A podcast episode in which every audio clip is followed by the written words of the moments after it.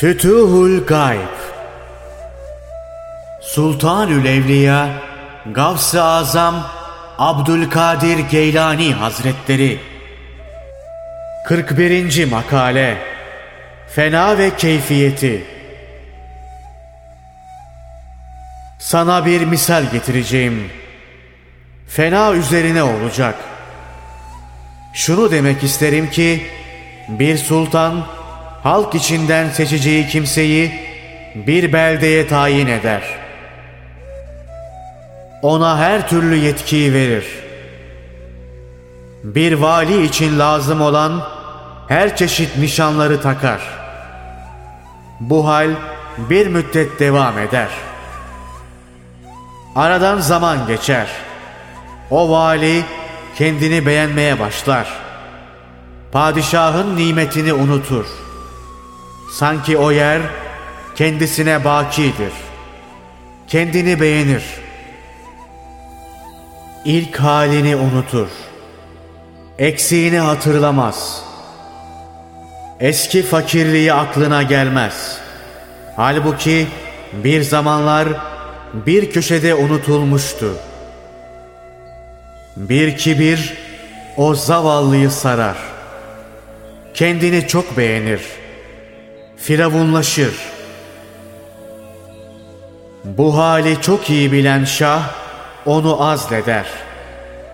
Öyle bir hal alır ki ilk devrini arar ama eline geçmez. Padişah ondan yaptıklarının hesabını sorar. Bütün hatalarının cezasını çektirir. Emirlerin yapılmayışı, yasaklara tecavüz etmek o zavallıya pahalıya mal olur. Çok feci bir şekilde hapsolur. En dar yere tıkılır. Büyük sıkıntıya düşer.'' devamlı bir ihtiyaç içinde kıvranır. Bu kıvranma onun için iyi olur. Böbürlenmesi ölür, kibri gider, haddini bilir. Nefsi körlenir, şahsi arzusu söner, benliğini eritir.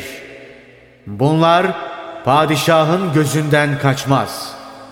o şahsın bilgisi bunları kaybetmez.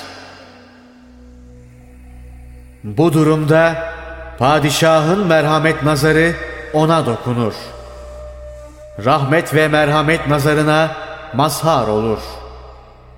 Dolayısıyla zindandan çıkarılma emrini verir. Bu arada bütün nimet ve ihsanını ona yağdırır.''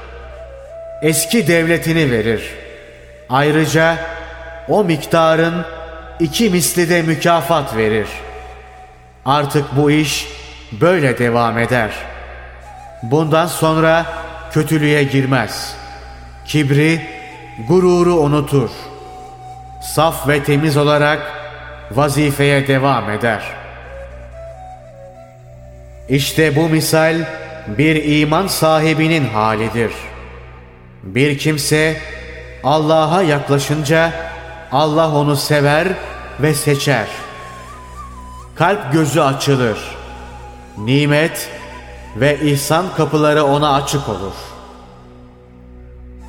Zaman olur, o kalp gözüyle kimsenin görmediğini görür, işitmediğini işitir.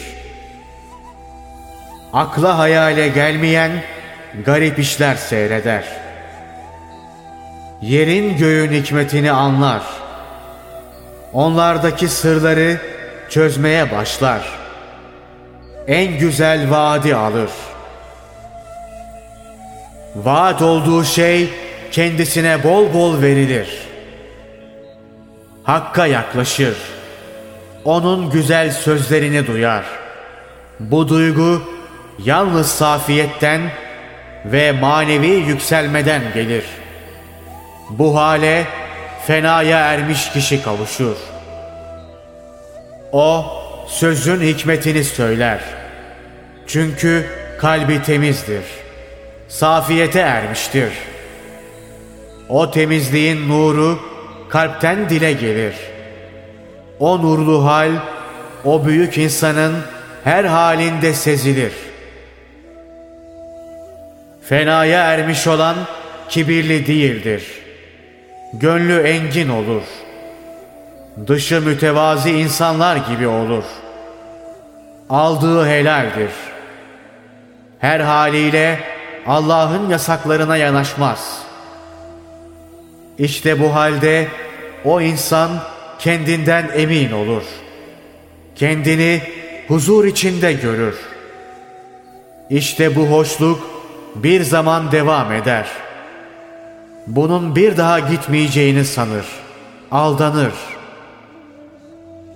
Aniden belaların kapısı açılır. Çocukları yok olur. Malı telef olur. Kalbindeki huzur bozulur. İlk zamanda verilmiş olan bütün nimetler yok olur. Bu haller bu zatı hayrette bırakır. Üzülür. Kalbi kederle dolar. Zahirine baksa yalnız kötülük görür. Kalbine dönse yalnız hüzün ve zulmet görür. Allah'a dua etse icabet bulmaz.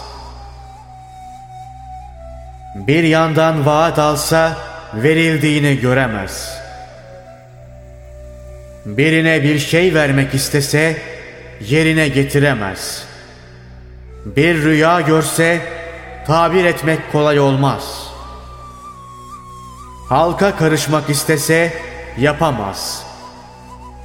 Şayet bir kolaylık bulup halka girmek istese derhal belayla karşılaşır. Halkın eli bu durumda ona musallat olur. Neredeyse tırnaklarıyla vücudunu parçalarlar. Dilleri ırzına, malına dokunur. İlk halinden bazı şeyler anlatmak istese diyemez.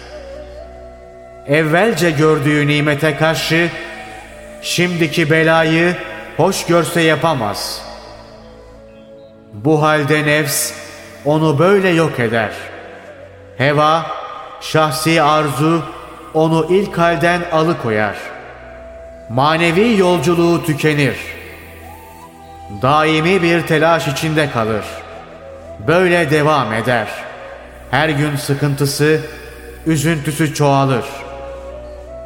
Bu haller devam ederken haberi olmadan manen yükselir. Birden kapı açılır. Bu açılış ani olur. Açılışla beraber maddi ve hayvani varlık yok olur. Yalnız ruh kalır. İşte bu halde işler başka olur. Batıni, deruni sesler işitir. İlk söz Hazreti Eyüp aleyhisselama olduğu gibi tecelli eder. İşte sana tatlı su, iç ve şifa olduğunu bil, yıkan, ayağını vur, o çıkar.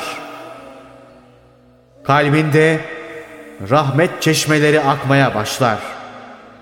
İlahi rahmet ve şefkat onu diriltir.